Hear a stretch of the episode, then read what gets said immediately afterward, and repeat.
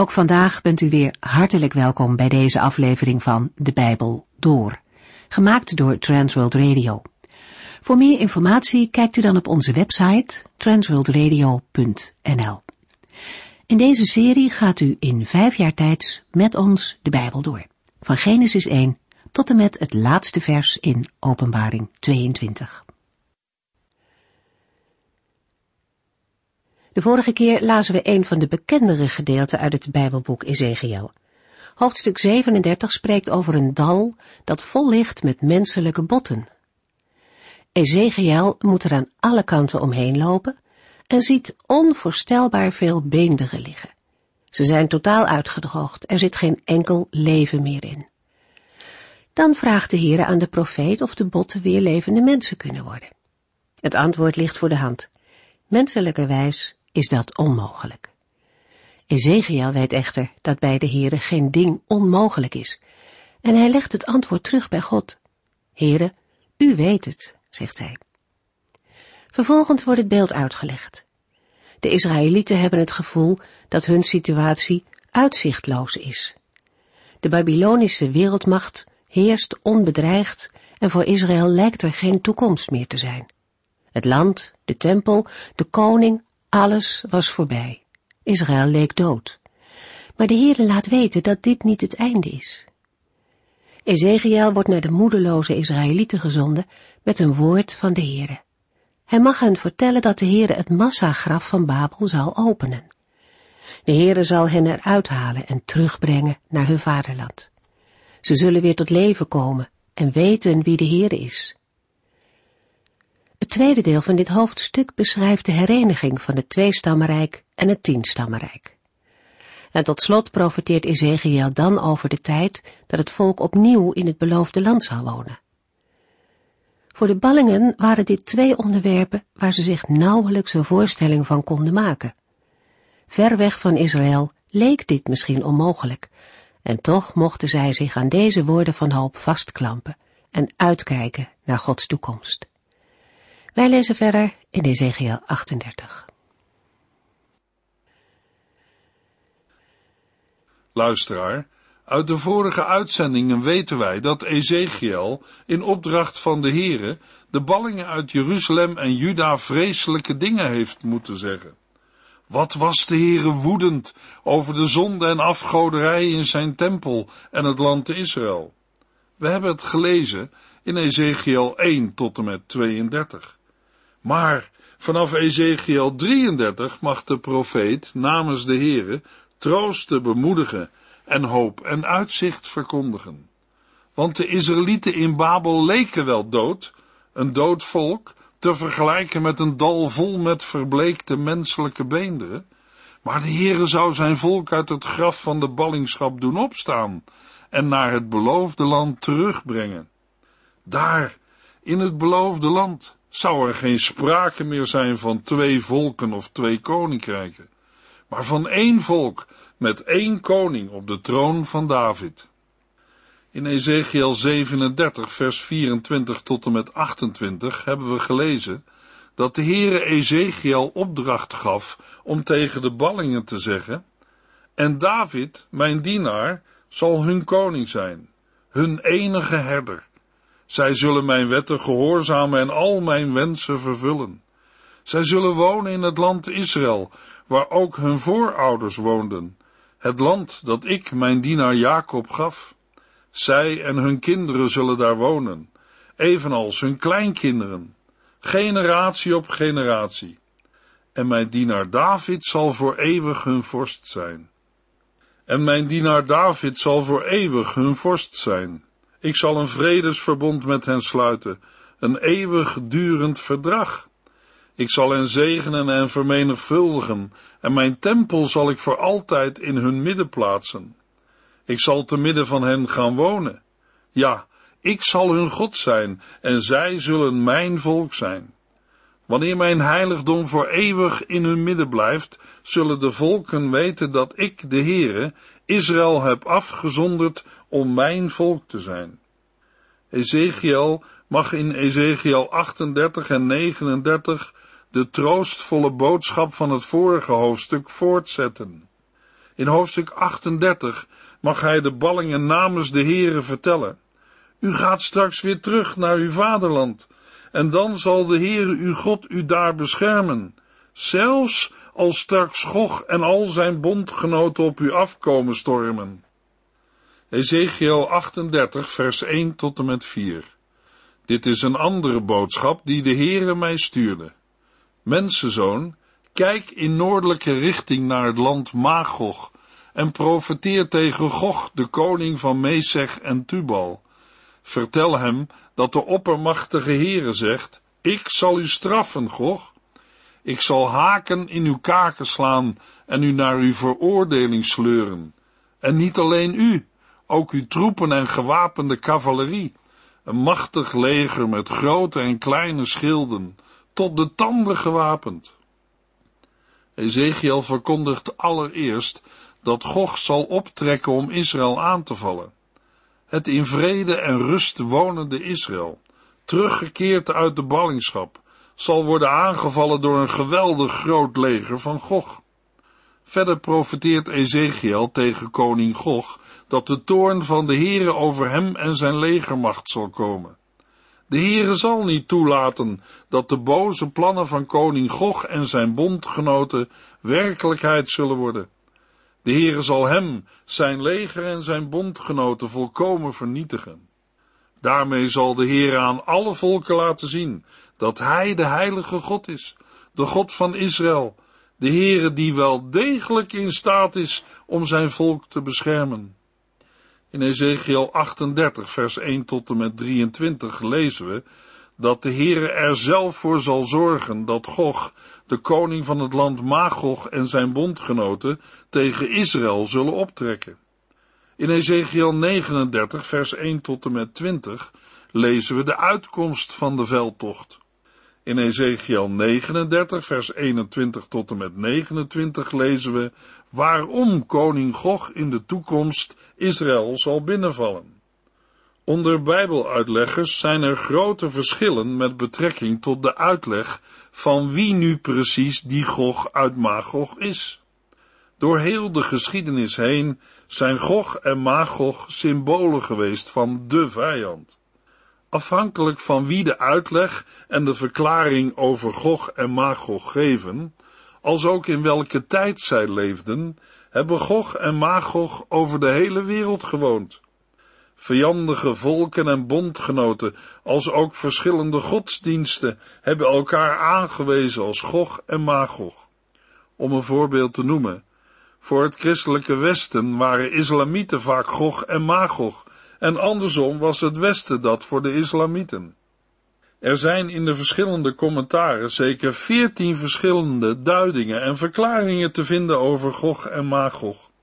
Het betekent dat vragen als wie moet onder Gog worden verstaan en in welke tijd valt de beschreven aanval op Israël moeilijk zijn te beantwoorden. Daar komt nog bij dat over het antwoord de meningen ver uiteenlopen. Eén ding weten we zeker. Gods profetieën leggen zichzelf uit in de voortgang van de geschiedenis naar het einde van de tijd en de voleinding van de wereld.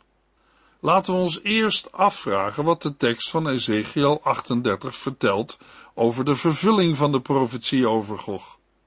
Uit vers 8 blijkt dat de profetie niet vlak na de terugkeer uit Babel kan zijn vervuld.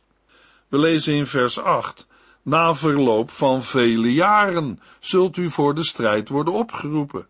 U zult ten strijde trekken tegen Israël, dat vrede heeft gekend sinds de terugkeer van zijn inwoners vanuit vele landen. In vers 16 lezen we, dit zal in de verre toekomst gebeuren, in de laatste dagen van de geschiedenis. Vers 8 maakt ook duidelijk dat de inval zal plaatsvinden na een tijd dat Israël vrede heeft gekend sinds de terugkeer van zijn inwoners vanuit vele landen. Maar al te laat zal de vervulling van deze profetie ook niet hebben plaatsgevonden, omdat de volken rondom Israël de ballingschap van Israël naar Babylonië nog vers in hun geheugen zouden hebben. Want de Heere zou koning Gog van Magog sturen om juist die omliggende volken nog eens duidelijk te maken dat Israël niet is weggevoerd omdat de Heere zijn eigen volk Israël niet kon beschermen. Dit wordt bevestigd door Ezekiel 39 vers 23. En de volken zullen weten waarom de Israëlieten in ballingschap werden gestuurd. Het was een straf voor hun zonde, want ze waren ontrouw aan mij, hun God. Naast het bovenstaande is er nog een ander aspect waar we rekening mee moeten houden. We zullen het optreden van Gog moeten plaatsen voor Israël opnieuw in ballingschap ging in het jaar 70 na Christus. Het betekent, we moeten de vervulling zoeken tussen 500 voor Christus en 70 na Christus. Om die reden nemen we aan dat de profetie een voorlopige en gedeeltelijke vervulling kreeg in de tijd, toen Israël na de terugkeer uit de ballingschap weer in betrekkelijke rust en welvaart het beloofde land bewoonde. Daarnaast geloven wij dat de uiteindelijke en volledige vervulling eerst verwacht wordt in de tijd die aan de wederkomst van Christus zal voorafgaan. Bij de voorlopige en gedeeltelijke vervulling is te denken aan het koninkrijk van de Seleuciden, dat zijn macht tot het noorden van Klein-Azië uitstrekte en vooral onder Antiochus Epiphanes Israël bedreigde. Antiochus Epiphanes regeerde over het Syrische Rijk, wat zich bij tijden heeft uitgestrekt van Turkije tot India. De volkomen vervulling zal komen wanneer de antichrist, van wie Gog en Antiochus Epiphanes voorlopers waren, de volken bijeen zal brengen om Gods volk te vernietigen. Antiochus Epiphanes heeft Israël inderdaad zeer zwaar in het nauw gedreven, maar is ook door Israël verpletterend verslagen. U kunt er meer over lezen in de apocryfe boeken van de Maccabeeën. Hendels Judas Maccabeus bezinkt deze strijd. De Bijbel vertelt niet duidelijk wie met Gog wordt bedoeld, maar het voorgaande is een passende verklaring. Er zijn trouwens nog meer opmerkelijke overeenkomsten tussen wat Ezekiel profeteerde en wat er tijdens de inval van Antiochus Epiphanes ook in zijn eigen koninkrijk is gebeurd. Ezekiel 38 vers 5 tot en met 9 Perzië, Ethiopië en Poet zullen daar met al hun wapentuig ook bij zijn, evenals Gomer met zijn horden en de legers van Togarma uit het verre noorden. Nog vele anderen zullen daarna hun voorbeeld volgen. Let op, houd uw legers op de been. U bent hun leider, Gog. Na verloop van vele jaren zult u voor de strijd worden opgeroepen. U zult ten strijde trekken tegen Israël, dat vrede heeft gekend sinds de terugkeer van zijn inwoners vanuit vele landen. U en al uw bondgenoten, een enorm en angstaanjagend leger, zullen als een naderend onweer op hen afkomen en het land als een wolk bedekken. Gog wordt als het ware met geweld door de heren tot de expeditie tegen Israël gedwongen. Daarmee komt duidelijk uit dat ook deze vijand van Israël in alles wat hij doet instrument is in Gods hand. In Openbaring 20 vers 8 is het de duivel die Gog en de volken tot de aanval verleidt. Daarin ligt geen tegenstelling met de vers in Ezekiel, want ook Satan is onderworpen aan de bevelen van de Heere. In al zijn handelen moet ook hij de wil van de Heere uitvoeren. De volken die worden genoemd vormen de bondgenoten van Gog. Uit de namen blijkt dat het leger van Gog niet alleen bestaat uit volken uit het noorden, maar ook uit soldaten die tot volken behoren die oostelijk of zuidelijk van Israël wonen. Met Gomer zijn waarschijnlijk de Kemeriërs van Homerus en Herodotus bedoeld. Een Indo-Germaanse stam die in de oudheid aan de Zwarte Zee woonde en later in Frigië en Lydië. Met Togarma zijn waarschijnlijk de bewoners van zuidwestelijk Armenië bedoeld.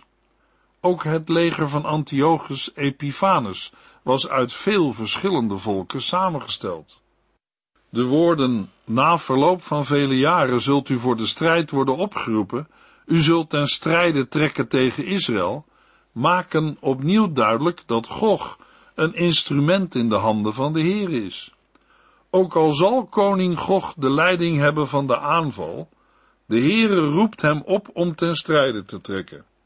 Gog zal niets uit zichzelf kunnen doen. Hij moet wachten op Gods bevel.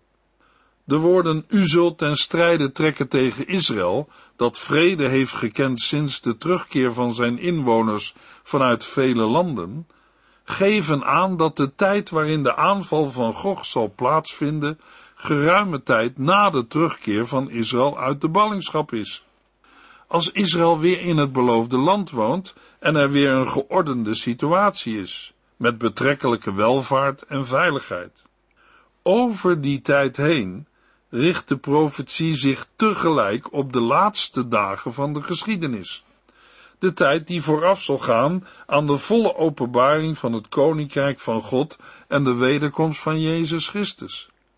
De aanval van het leger van Gog zal een plotseling karakter dragen, als een naderend onweer, dat snel opkomt en in een korte tijd de hemel met donkere wolken bedekt. Ezekiel 38, vers 10 tot en met 16. De oppermachtige Heere zegt, in die tijd zult u op een kwaadaardig idee komen. U zegt, Israël is een onbeschermd land met veel dorpen zonder muren. Ik zal ten strijde trekken en deze goedgelovige mensen, die in rust en zekerheid leven, vernietigen. Ik zal optrekken naar die eens verlaten steden die nu weer worden bewoond, door hen die uit de volken zijn teruggekeerd, en ik zal een grote buit veroveren. Want dit volk is rijk aan vee en andere schatten, en de hele wereld draait om hen. Maar Seba en Dedan en de kooplieden van Tarsis, met wie zij handel drijven, zullen vragen, wie bent u dat u hen berooft van zilver en goud, hun vee meeneemt en hun goederen steelt, zodat zij arm achterblijven? De oppermachtige Heere zegt tegen Gog, als mijn volk in vrede leeft in zijn land, zullen uw ogen opengaan. Overal uit het noorden zullen uw cavalerie-eenheden optrekken en het land bedekken als een wolk. Dit zal in de verre toekomst gebeuren, in de laatste dagen van de geschiedenis. Ik zal u tegen mijn land laten optrekken, en door de vreselijke verwoestingen die u voor hun ogen aanricht, zal ik mijn heiligheid laten zien, zodat u, Gog, zult beseffen dat ik de heilige God ben. Net als vroegere koningen en vijanden van Israël, zal ook Gog zich in trotse eigenwaan verbeelden dat hij helemaal zelfstandig zijn eigen inzichten volgt en plannen maakt. Maar hij is alleen een instrument in Gods hand. Gog zal optrekken tegen het volk Israël dat geen vijand verwacht. Want Israël is een onbeschermd land met vele dorpen zonder muren. Nadat nog een keer is gezegd hoe Gog zal optrekken, maakt de Heer in vers 16 ook duidelijk welk doel de Heer daarmee heeft. Het optrekken van Gog tegen Israël moet dienen om aan de volken duidelijk te maken dat de Heere alleen God is en gericht oefent. Hij zal zijn heiligheid laten zien en ook Gog zal beseffen dat ik de heilige God ben. Ezekiel 38, vers 17 tot en met 23. De oppermachtige Heere zegt, u bent degene over wie ik de Israëlitische profeten lang geleden liet vertellen, dat ik u na verloop van vele jaren zou laten optrekken tegen mijn volk. Maar als u dan eindelijk komt om het land Israël te verwoesten, zal mij dat ziedend maken. Want in mijn jaloezie en grote toorn beloof ik dat Israël die dag door een grote aardbeving zal worden getroffen. Alle levende wezens zullen huiveren van angst voor mijn aanwezigheid. Bergen zullen worden omvergeworpen, rotsen zullen ineenstorten en muren omvallen. Het zwaard zal ik tegen u in de strijd roepen, zegt de oppermachtige Heere, en in een dodelijke strijd zult u elkaar bevechten. Ik zal u bestrijden met het zwaard, ziekten, grote regenbuien, enorme hagelstenen, vuur en zwavel. Op die manier zal ik mijn grootheid en heiligheid tonen en mijn naam eer aandoen en alle volken ter wereld zullen horen wat ik heb gedaan en weten dat ik de Heere ben. De aardbeving is teken van de toorn van de Heere en moet dienen om de vijanden schrik aan te jagen. Wanneer de in vers 19 genoemde aardbeving komt, zal alles wat vast schijnt wankelen. Ook in deze versen wijst de profetie met haar duidelijk apocalyptische trekken over historische gebeurtenissen heen naar de geweldige tekenen die God zal doen tegen de tijd van het laatste oordeel. De Heere zal de vijanden elkaar doen doden, als zij verdwaasd van angst zijn. Waarschijnlijk ligt hierin ook een toespeling op de verschillende oorlogen die Syrische koningen en kroonpretendenten in de tijd van de Maccabeeën tegen elkaar zullen voeren. De Heere zal niet alleen door het zwaard en ziekten Gog en zijn leger bestrijden, maar ook, zoals de Heere vroeger al deed, direct vanuit de hemel ingrijpen met grote regenbuien, enorme hagelstenen en vuur en zwavel. Daarbij moeten we ook rekenen met het profetisch perspectief, waarin tegelijk het oordeel van de Heere over de historische koning Gog wordt voltrokken, als ook Gods oordeel over de antichrist. Net als in vers 16 is het doel van de Heere, op die manier zal ik mijn grootheid en heiligheid tonen en mijn naam eer aandoen, en alle volken ter wereld zullen horen wat ik heb gedaan en weten dat ik de Heere ben. In het volgende hoofdstuk, Ezekiel 39, gaat de strijd verder. De nederlaag van de kwade machten zal definitief en volkomen zijn. Zij zullen worden vernietigd door een rechtstreeks ingrijpen van de Heere uit de hemel. De liefde van de Heere voor zijn volk zal blijken uit het terugbrengen van de Israëlieten naar het beloofde land. In Ezekiel 39 lopen twee thema's door elkaar. Het gaat over Gods volkomen overwinning op zijn vijanden en de noodzaak het land te reinigen, zodat het heilig wordt. Na de laatste slag zullen de dode lichamen van de vijanden begraven worden, zodat het land gereinigd wordt. Het land zou anders onrein worden door de onbegraven lichamen, en iedereen die in contact komt met de lijken is volgens de Joodse wet ook onrein. Uit Ezekiel 39, vers 17 tot en met 20 blijkt dat er zoveel gesneuvelden zijn dat allerlei vogels geroepen zullen worden om te helpen met het opruimen van de lijken.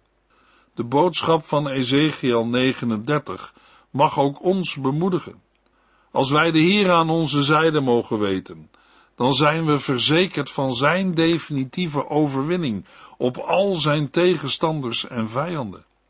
Immers de Heer heeft beloofd dat hij voor zijn volk zal strijden, en dat geldt ook voor nieuwtestamentische gelovigen. Ezekiel 39, vers 1. Mensenzoon, profeteer ook het volgende tegen Gog. Ik sta tegenover u, koning Gog van Mesech en Tubal. In Ezekiel 39, vers 1 tot en met 20 volgt eerst een nadere uitwerking van Gogs ondergang tegen Israël.